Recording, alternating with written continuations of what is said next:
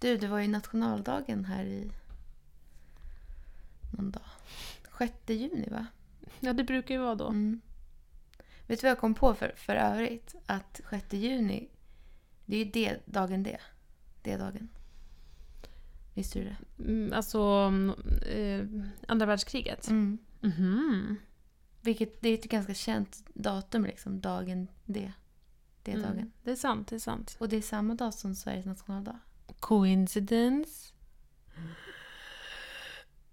Nej men alltså jag har aldrig gjort kopplingen. Nej, inte jag heller. Jag, visste inte ens, jag vet inte ens om jag visste om att det dagen var den 6 juni. Det kanske finns där. Det kanske låg den långt bak i bakhuvudet. Nej, alltså jag visste, igen, jag, har, jag visste inte heller det eftersom att jag inte gjort den kopplingen. Men jag läste en artikel i typ Vetenskapens Värld Mhm. om eh, svenska hjältar. På det andra det. världskriget. Ja. Gud, vilken otroligt otippad artikel för dig. Tycker du? ja, men jag, jag, jag har svårt att se att du skulle så här, ligga och läsa andra världskriget-artiklar. Oj, oj, oj. Du känner inte mig alls. Nej, Jag älskar det sånt känns där. främmande.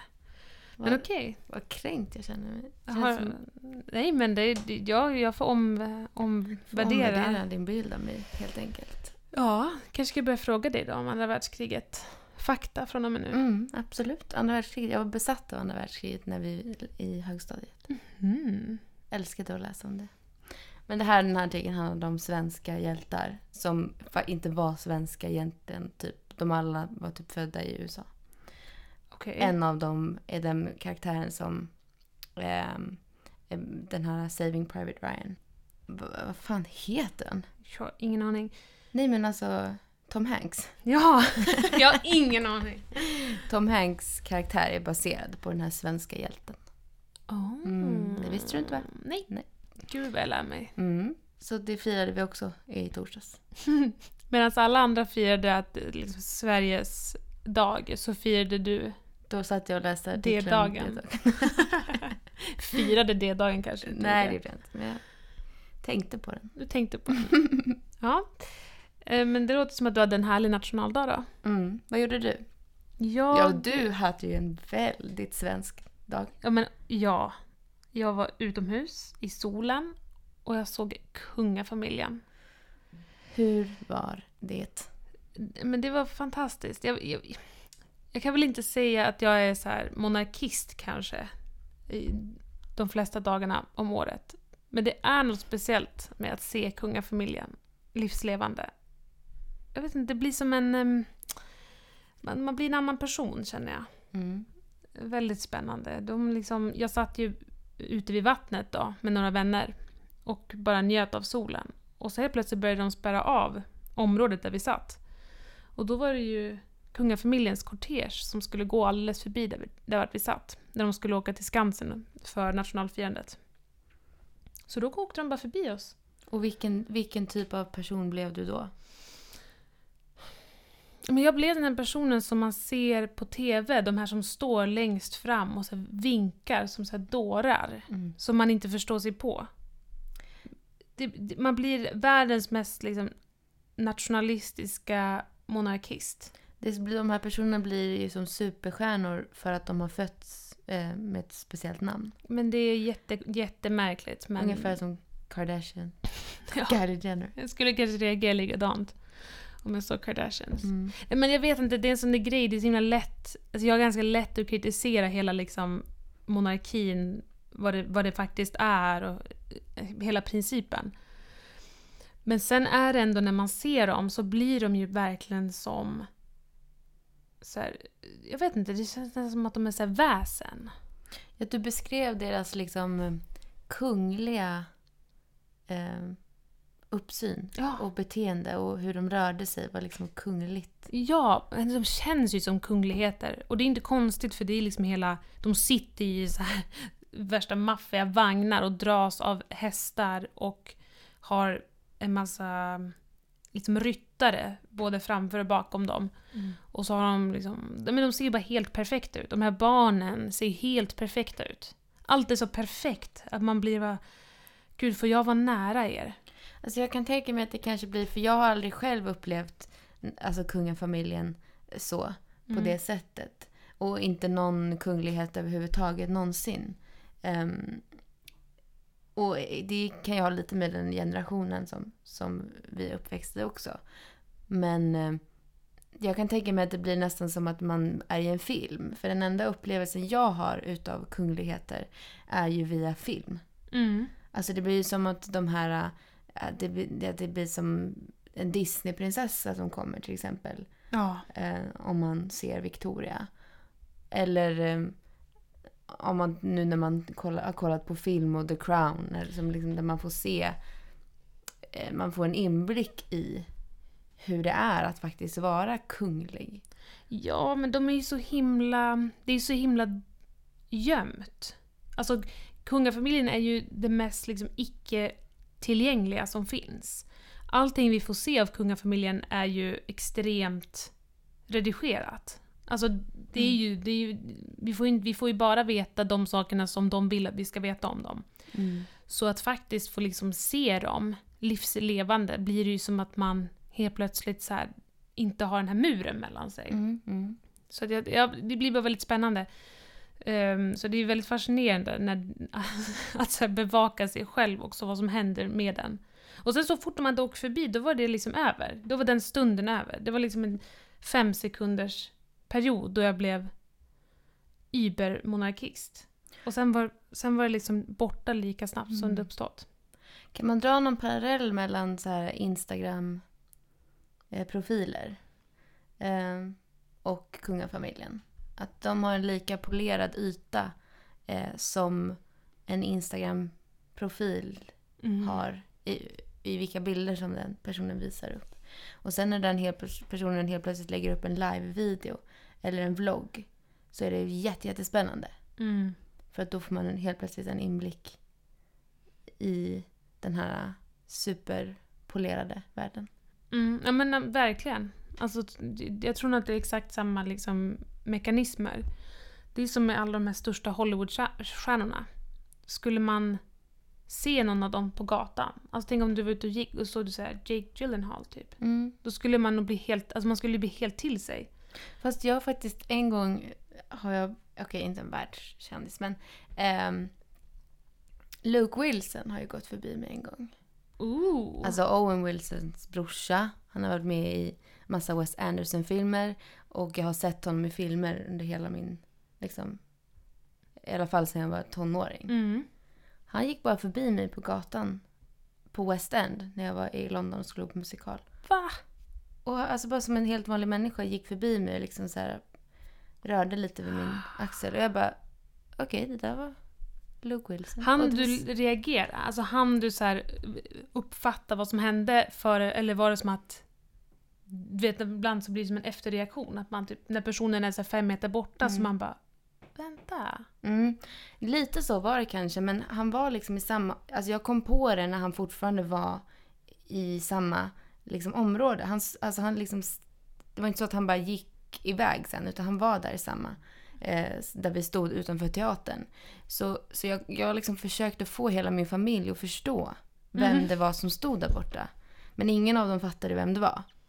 För mig var det ju, alltså är ju han liksom en världskändis. Ja, absolut. Eh, men jag kommer ihåg att jag var så här, men han står ju där borta hörni. Kolla bara. Men de var så här, vem, vem är det ens? Men så jag fattade ändå, jag fattade. Mm. Medan han var där. Men i- jag, jag tror att jag var ganska lugn i Mm. det. Men kanske, det kanske krävs att kungafamiljen är i min närhet för att jag ska bli stå längst fram och vinka. Ja. ja, jag vet inte vem, vem, vem annars som man blir så här till sig av. Men det är också lite, alltså det beror ju på hur man blir från person till person. Alltså jag blir ju inte starstruck. Nej, Det har aldrig hänt. nej, det är sant. Ehm, så det kan ju vara lite det också. Även om jag kan fascineras av kungafamiljen. Mm. eh, så, så kommer jag nog inte reagera. Nej, du har lite så ett coolt yttre. Mm. Jag har ju inte det. Så att, eh, jag har ganska, nog ganska lätt till att bli ex, extas på det sättet. Speciellt om kungen åker förbi. Vi vänder på ett blad, ungefär som ni gör i era tidningar. Men jag tänkte att eftersom det har varit nationaldag, att vi skulle köra lite nationaldagstema. Mhm. Sverige menar du? Ja, precis. Eh, Sverige-tema. Och jag tänkte att vi skulle prata lite svensk film. Mm. Känns det som ett lockande ämne? Det är säkert intressant. Eh, om, om man har sett svensk film. Har du inte sett någon svensk film? Alltså det är en, det är en stor svaghet som jag har. Att jag... ehm, vi pratade om det någon, i något tidigare avsnitt. Att, att jag hade liksom upptäckt att svensk tv och film kan, kan vara någonting bra när jag såg Bonusfamiljen. Mm, Tidigare i det. mitt liv har jag typ den upplevelsen, erfarenheten jag har av svensk tv och film är julkalendern typ. Ja, inte så dåligt i och för sig. Eh, annars har jag inte kollat på så mycket svensk film. Lite, lite grann. Lite. Mm. Okej, för jag tänkte nämligen att vi skulle ge några tips på en favorit svenska filmer. Det finns säkert fler där ute som, som du.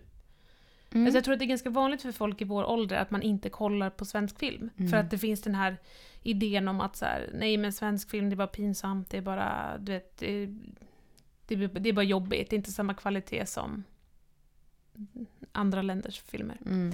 Så jag tänkte att vi skulle passa på att hylla svensk film lite. Men det är bra, då kan du utbilda mig lite. Ja, absolut. Jag tänkte ge mina topp tre svenska filmer. Mm, spännande. Om du inte har sett dem så kommer du behöva se alla dem. Ja, okej. Mm. Men på tredje plats så har jag en, det är egentligen en dokumentärserie. Eller det är liksom tre filmer som utgör en, en dokumentärserie. Eh, men den första heter De kallar oss mods. Eh, som är gjord av Stefan Jarl och den är från 1968. Första filmen, han, då får man följa några så här unga vuxna, två personer som lever liksom i Stockholms, lite så här, utkanten av samhället på något sätt. Det är väldigt mycket ja, men det är fest och det är droger och man, de bor i slitna lägenheter och det är verkligen ja, men lite det här sociala utanförskapet men också att vara liksom ungdom i Stockholm på liksom 60-talet. Eh, Kenta och Stoffe heter de här två personerna och det är en dokumentär då så det är ju riktiga personer. Och den är, alltså den är så otroligt, otroligt välgjord. Eh, och egentligen bör man se alla de här tre filmerna. För den första är då De kallar oss mods och sen kommer Ett anständigt liv och då när de är lite äldre.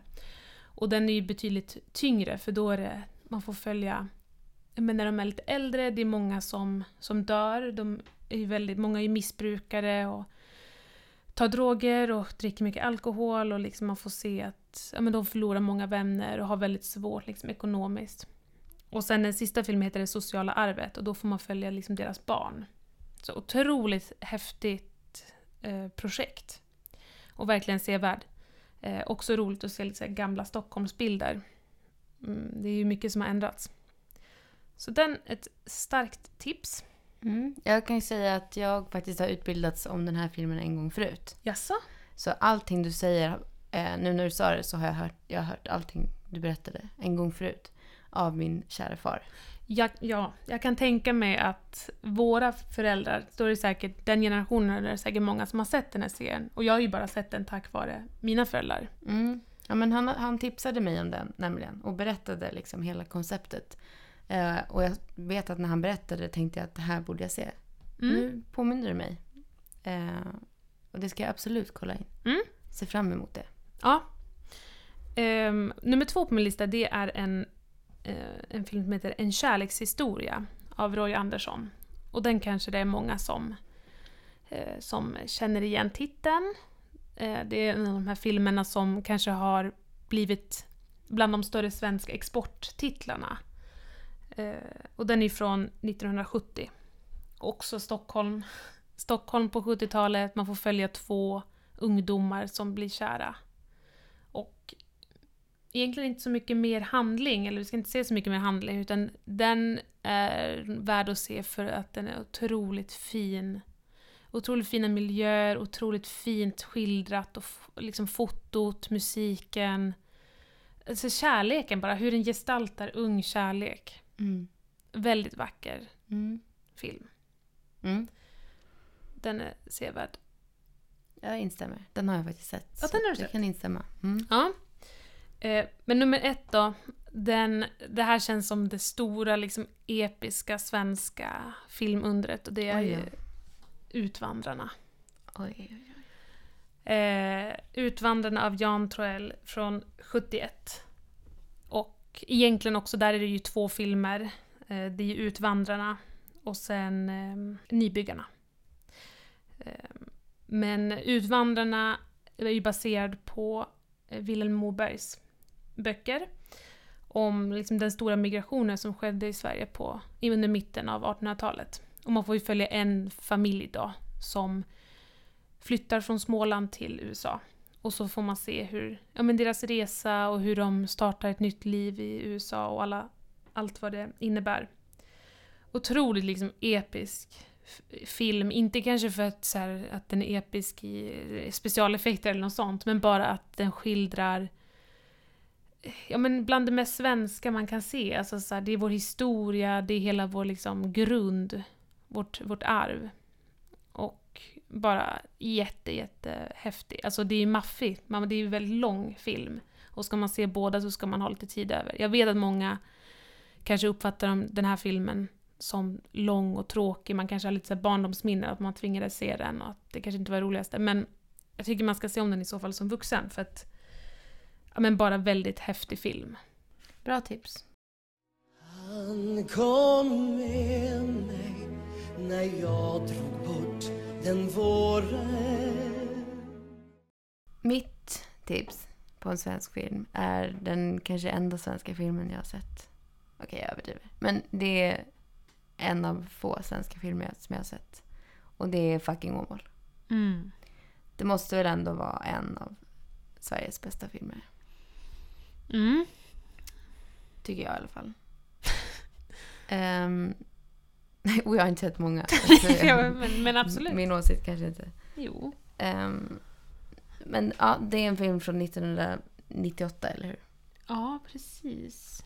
Eh, Slutet av 90-talet. Vad hette regissören nu? Lukas? Lucas Moodysson. Mm. Om, alltså, det känns som att kanske många har sett den här filmen. Ja, Men det är liksom mitt enda tips. Jag vet inte hur mycket jag behöver säga om den. Förutom att den handlar om en, en ung tjej som går i typ...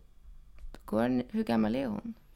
de går väl i gymnasiet. Ja, Typ första hon ring. kanske är typ 17. 16, 17. Mm. Som heter Agnes. Mm. Som bor i Åmål. Mm. Och blir kär i en tjej som heter Elin. And that's the story. Mm. They fall in love. Spoiler. Ehm, Ganska klassisk småorts tonårsdrama.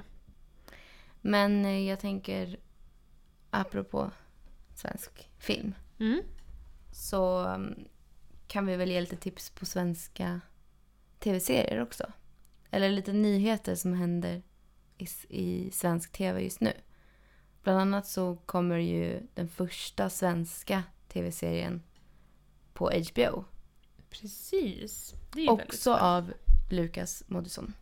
Exakt. Gösta heter den. Handlar om en, eh, en person som heter Gösta, som är 28 år och precis har tagit examen från eh, psykologiexamen och får jobb i en småstad på BUP.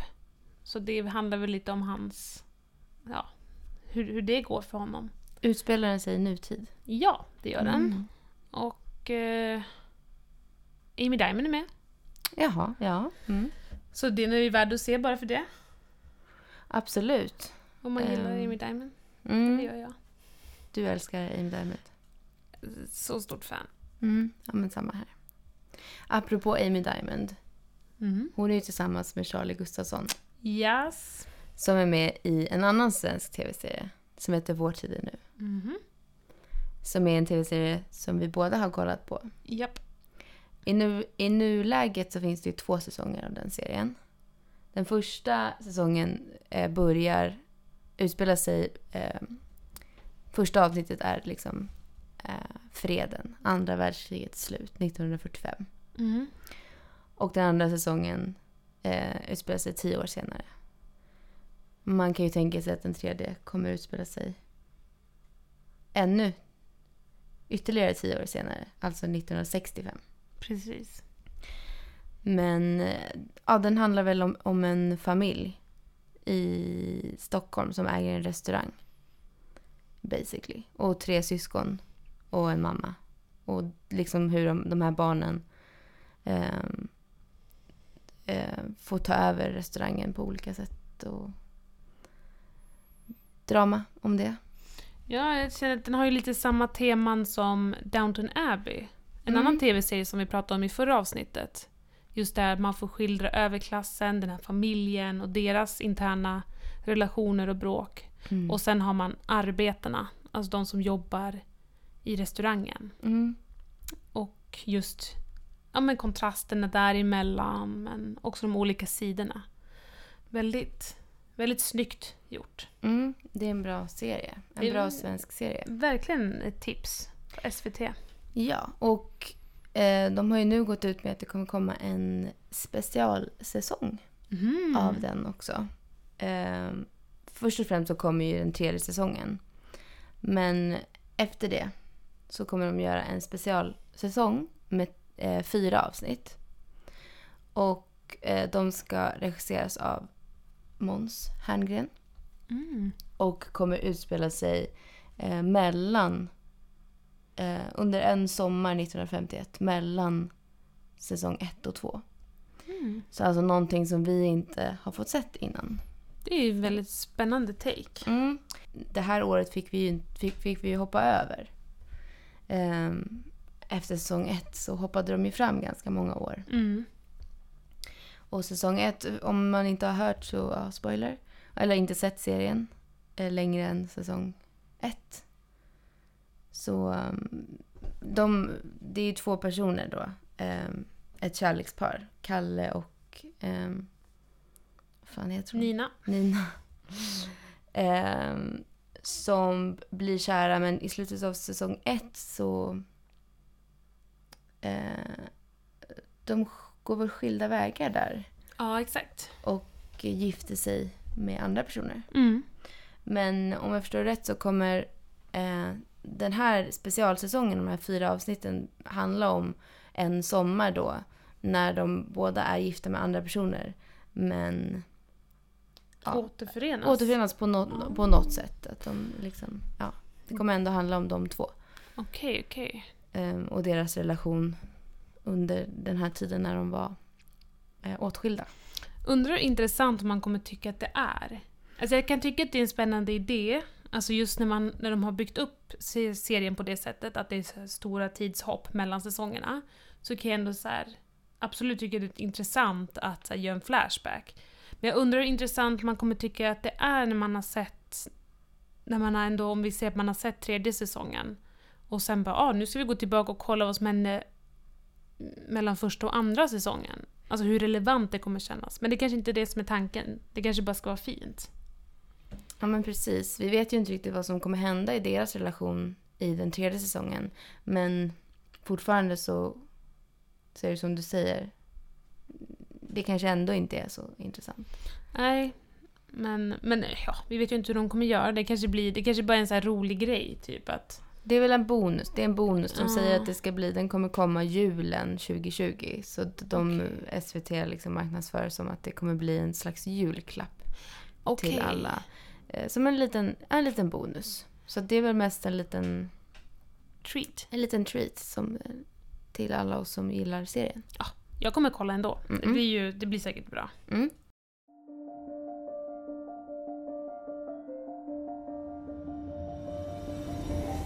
Något som händer i Sverige, eller på Sverigefronten inom musiken, är ju faktiskt att nu på nationaldagen den 6 juni så släpptes Aviciis postuma album som är döpt efter hans namn Tim.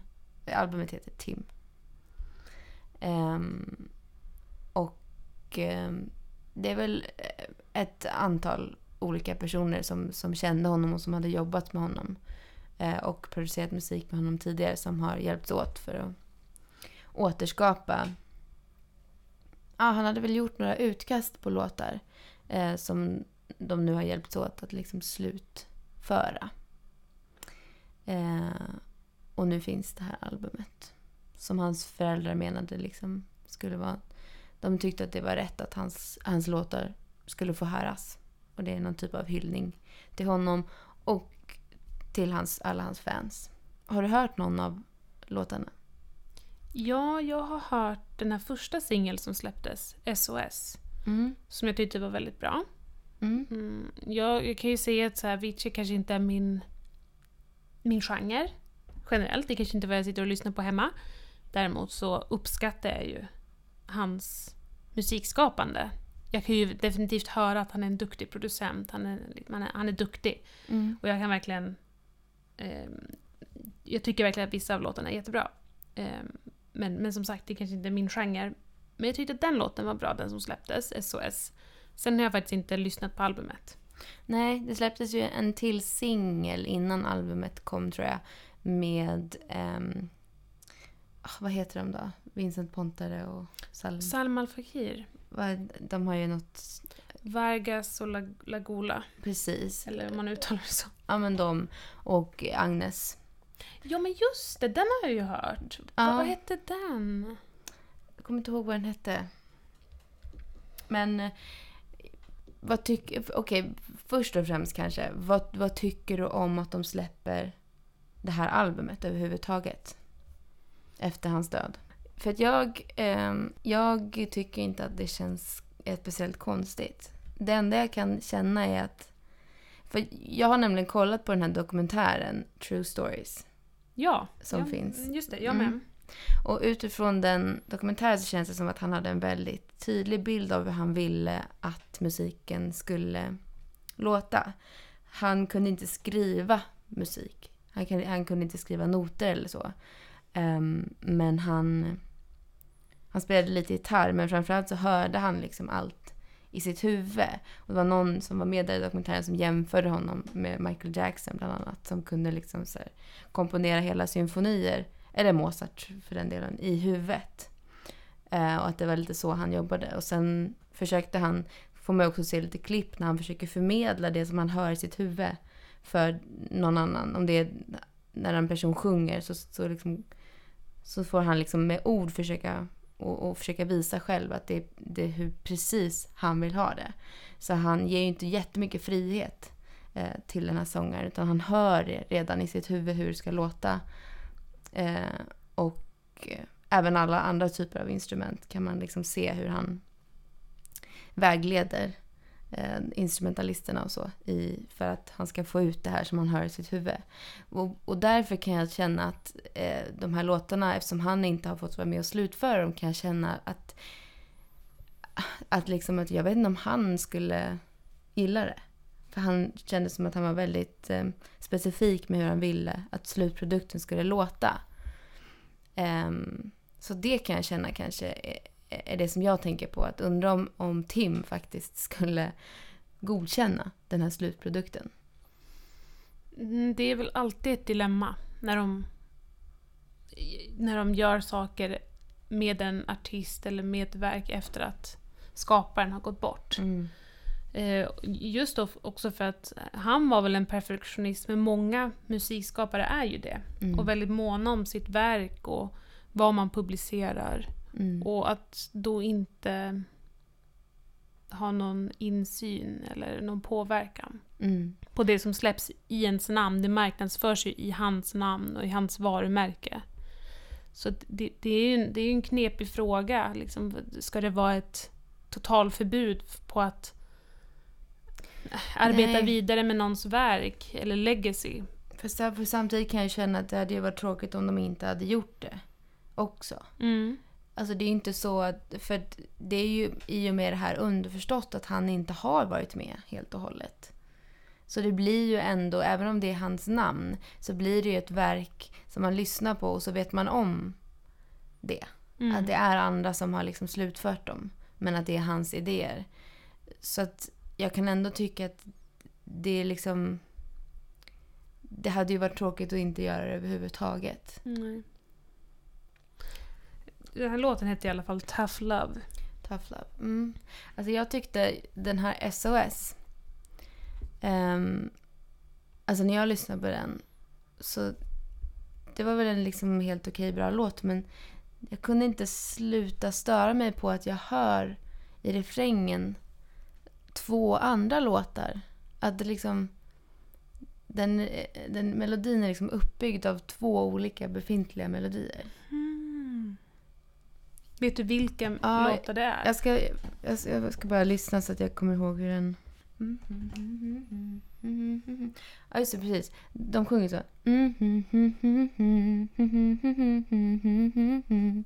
Och det första tycker jag låter som I don't want no scrub. Ah. Scrub is a I can.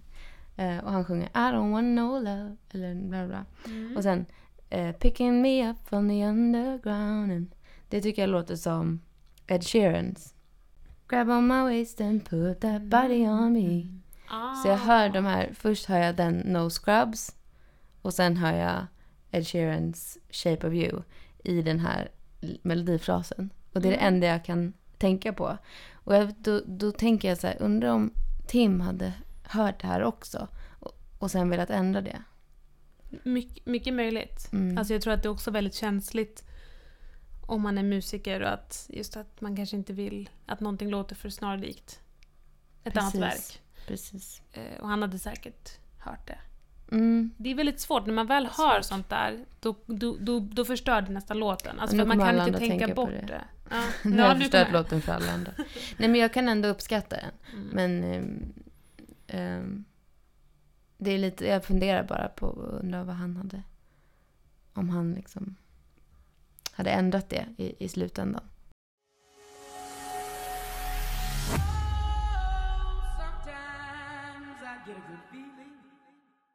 Det kom ju en ny X-Men-film, Just det. Dark Phoenix, som det inte har gått så bra för.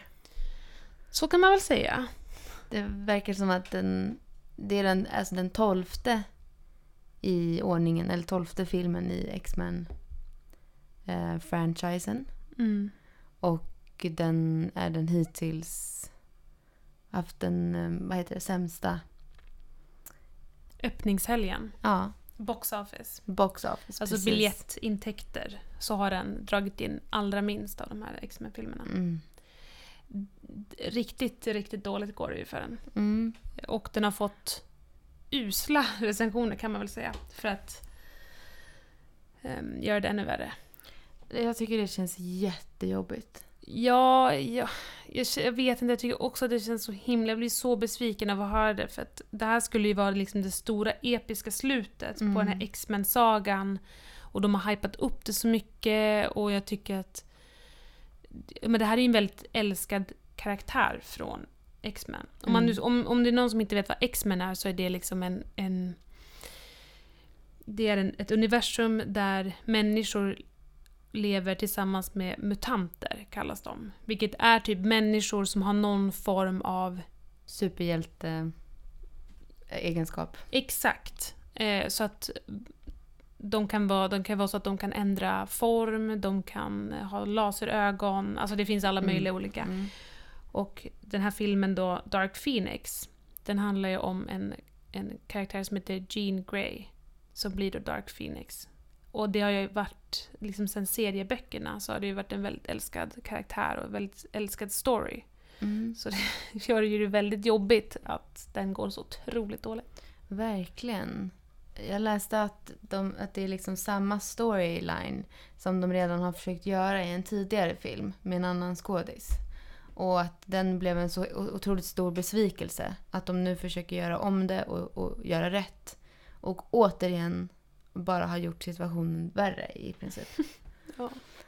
Att, att jag tycker det känns jättetråkigt för att man blir så glad av att se typ alla de här skådisarna och karaktärerna samlade i samma film.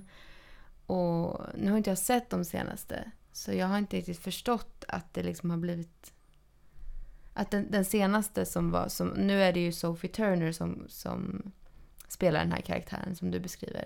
Och hon har bara varit med i, i en film tidigare eller? Mm, Apocalypse, Mm. tror jag det. Att den också, för den såg jag aldrig, Mm. var en väldigt stor besvikelse.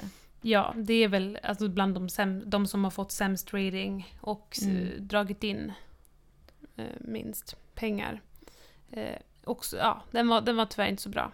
Så det finns ju liksom inte heller någon bra grund för Sophie Turner som den här karaktären att stå på. I och Nej, med att den filmen inte blev lyckad.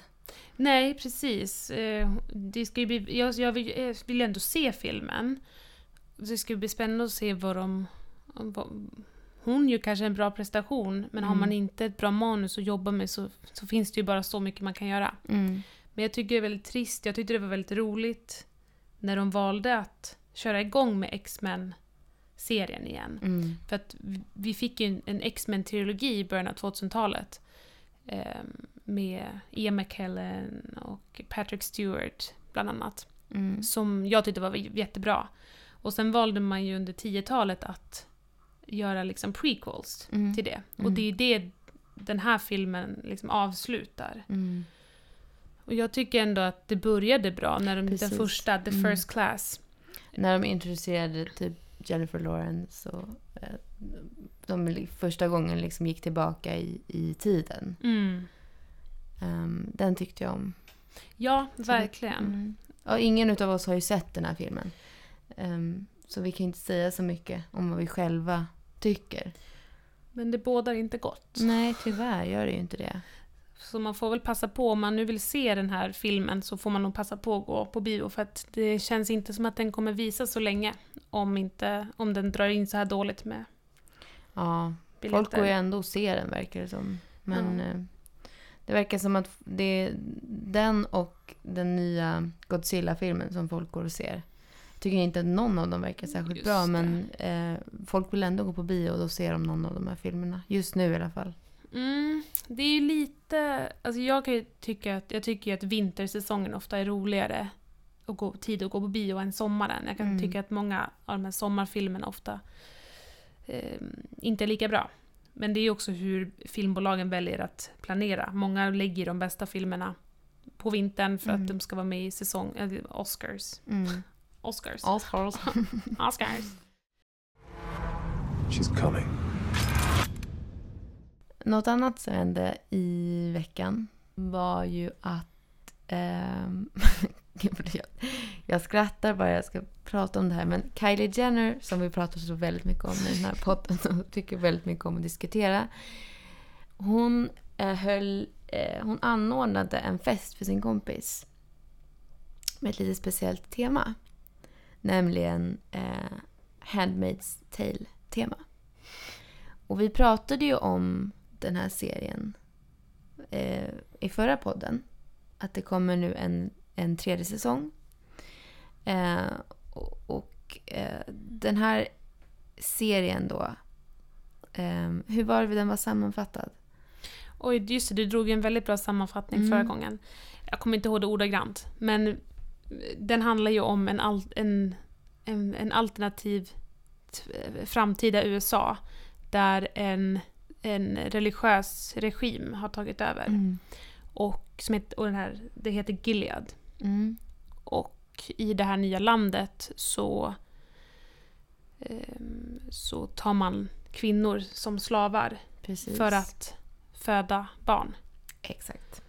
Så det är liksom kvinnor som eh, tillfångatas och får bo hos en familj och våldtas för att eh, föda Mm. deras barn, Mm. den här familjens barn. Mm, ja men exakt. Eh, och det tyckte då Kylie Jenner skulle vara ett roligt tema för en fest.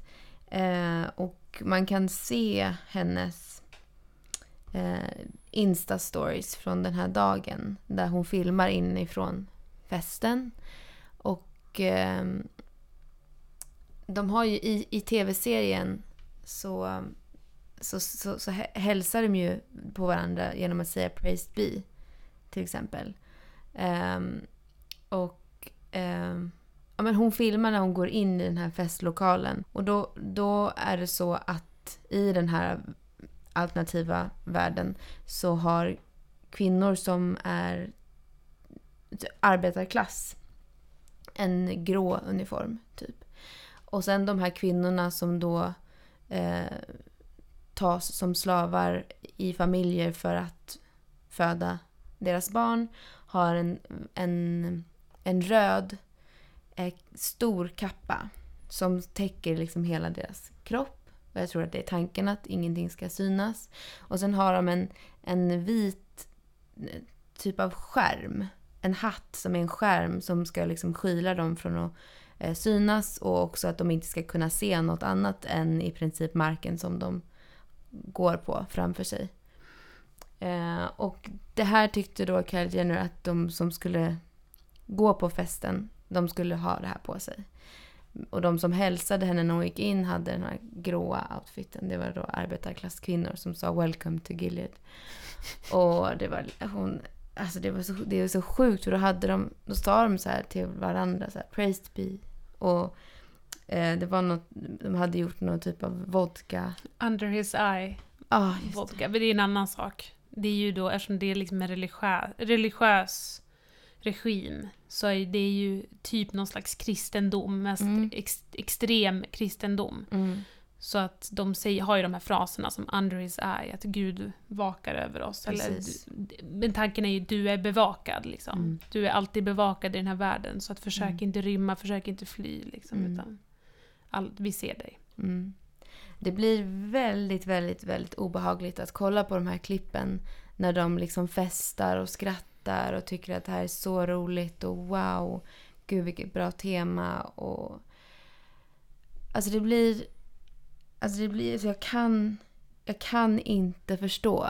Alltså man tycker att liksom de fort, den här familjen fortsätter göra dummare och dummare saker.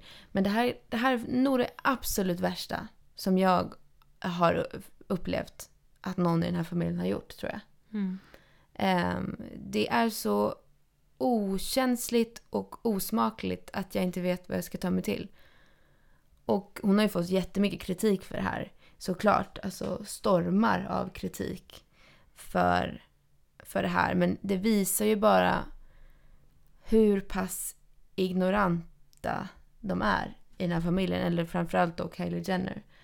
Um, som anordnar en fest med ett tema från en tv-serie och en bok som handlar om i princip ja, kvinnoförtryck. Och alltså, nej, men det är...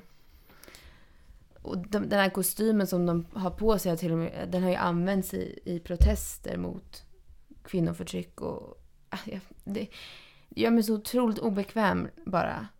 Ehm, och, det visar ju på hur...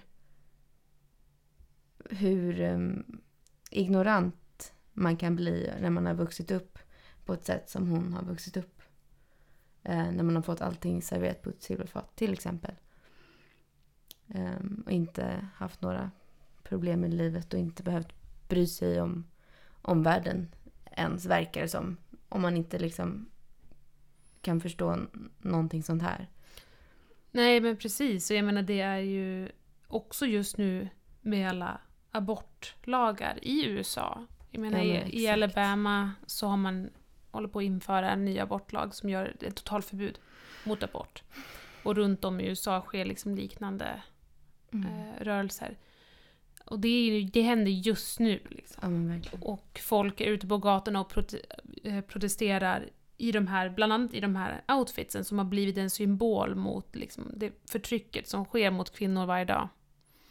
Så det, alltså, det var helt, det är helt sjukt. Alltså, jag, man skrattar för att det är så himla, det är så, det är så absurt. Man Mm. bara, men hur kan...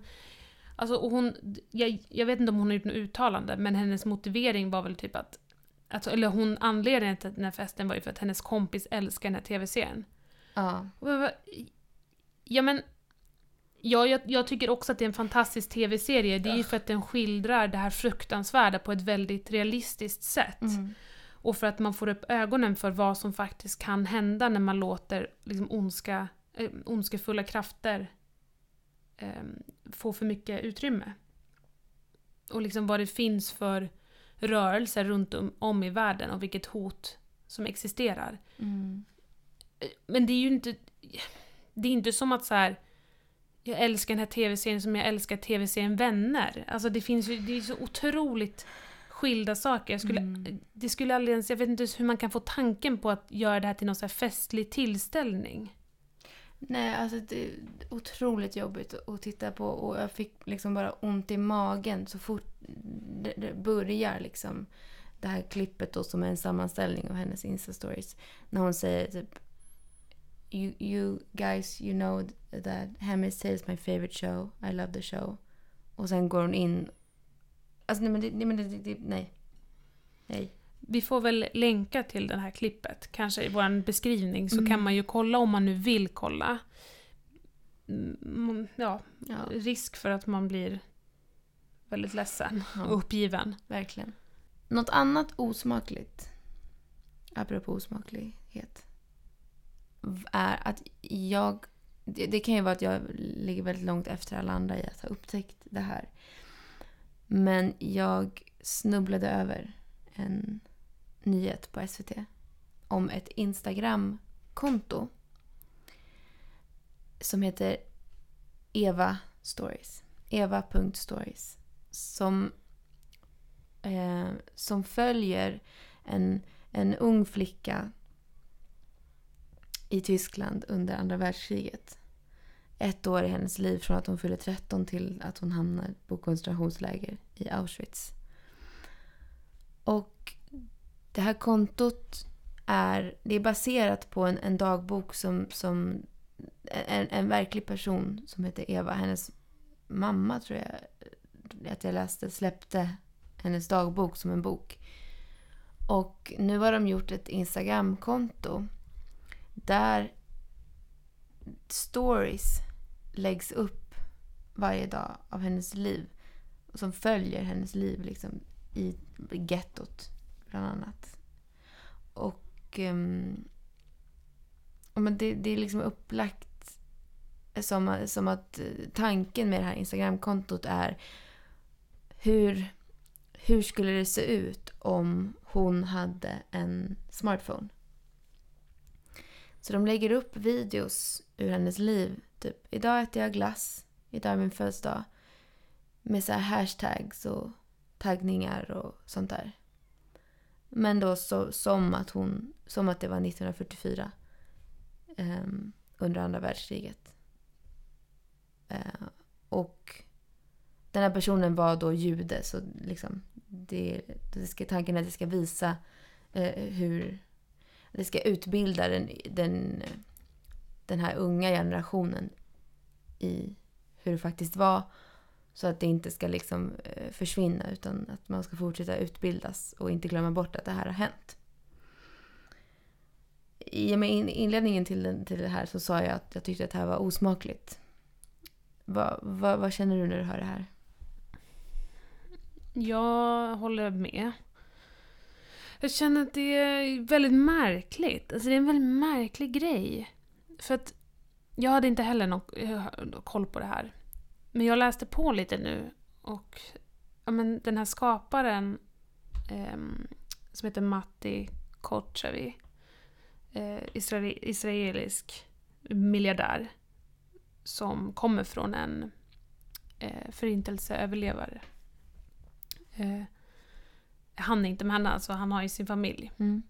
Eh, och det är hans dotter då som spelar den här Eva. Mhm. Och det har tydligen haft en jättestor budget. Och motiveringen till att de har gjort den här är då tydligen att ja, men, dagens ungdomar är på Instagram och då måste vi ta liksom, kunskapen. Vi måste vara där vart ungdomarna är. Ja, jag köper det, men måste man göra det på det här sättet? Alltså jag tycker att det är att det är verkligen att fördumma sin publik. Alltså att jag, tr- du, du kan absolut vara på Instagram och, och där vart ungdomarna är. Men du kan lägga upp, det räcker med att du lägger upp bilder, riktiga bilder från liksom, den här tiden, från andra världskriget. Med texter. Du måste liksom inte göra det med så små emojis och liksom, små hashtags. Och liksom filma det som att det är någon influencer. Mm. Alltså jag, jag tycker att det är ett väldigt märkligt sätt att ta sig an det här temat. Jag håller absolut med om att det är jätteviktigt att vi håller de här minnena vid liv och att vi fortsätter berätta de här berättelserna. Det, liksom, det får aldrig tystas ner. Men jag tycker att det är ett lite konstigt sätt att ta sig an det. Mm, alltså, för, precis, alltså, jag håller med. Alltså, jag förstår tanken eh, och, och den är god. Men det som jag tycker liksom känns obekvämt är att se de här videorna och, och hashtag och liksom life in ghetto hashtag sånt där i samband med någonting som man tänker på att det är liksom sex miljoner judar som har, som har mördats. Liksom. Alltså det, det blir jättesvårt för mig att... att det, blir, det blir fel. Det Mm. clashar på, på, ett, på ett sätt som känns eh, obekvämt. Mm. Men som sagt, jag håller också med om att men tanken är god. Det, det är bra att vi... Men den är ju gjord som en så här, filmproduktion. Kunde man inte bara gjort en film?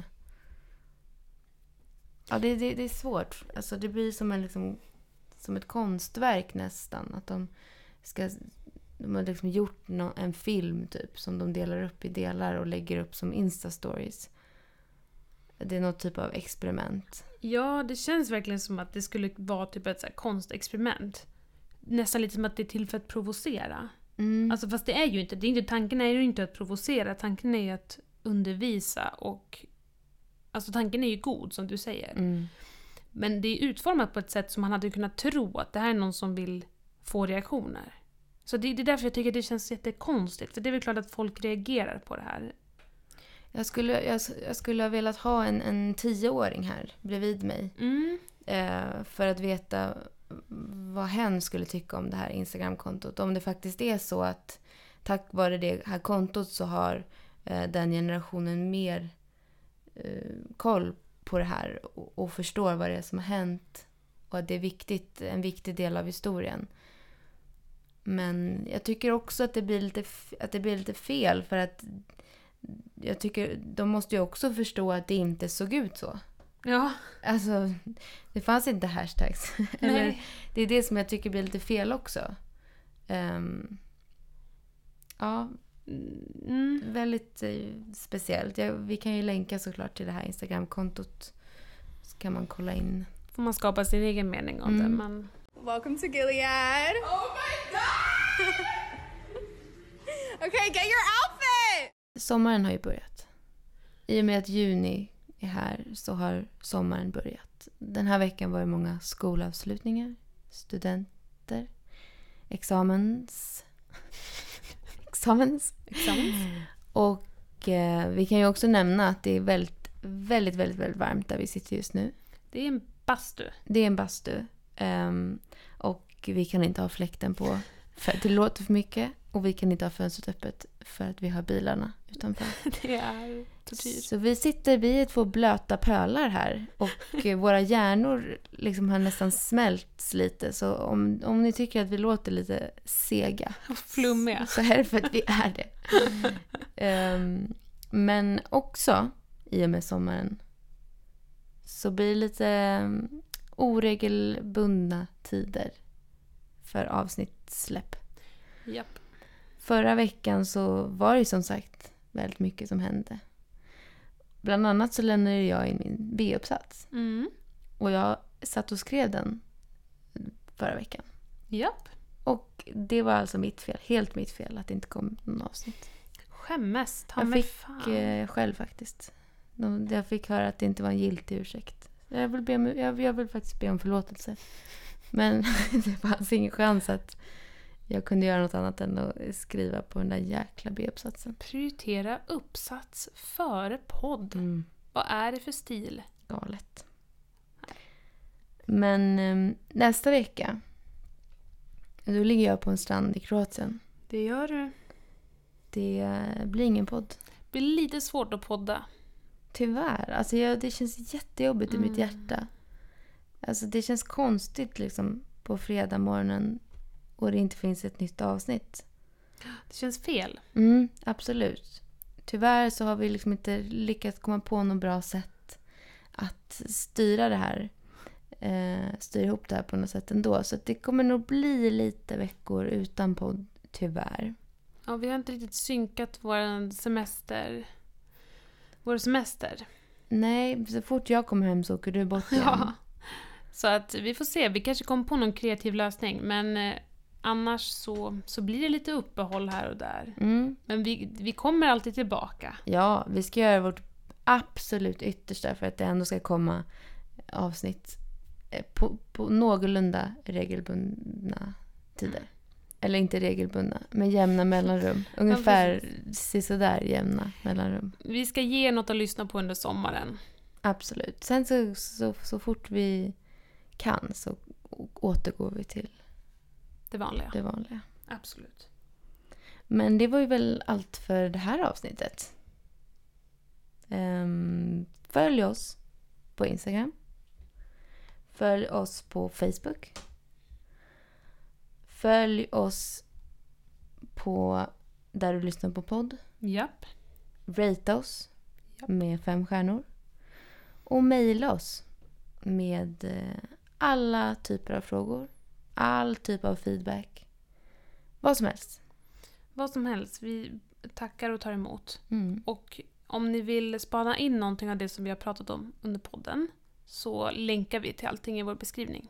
Så där kan man hitta trailers och konton och allt vad det är. Mm. finns mycket där att hitta. Japp. Men eh, tack för idag. Tack för idag.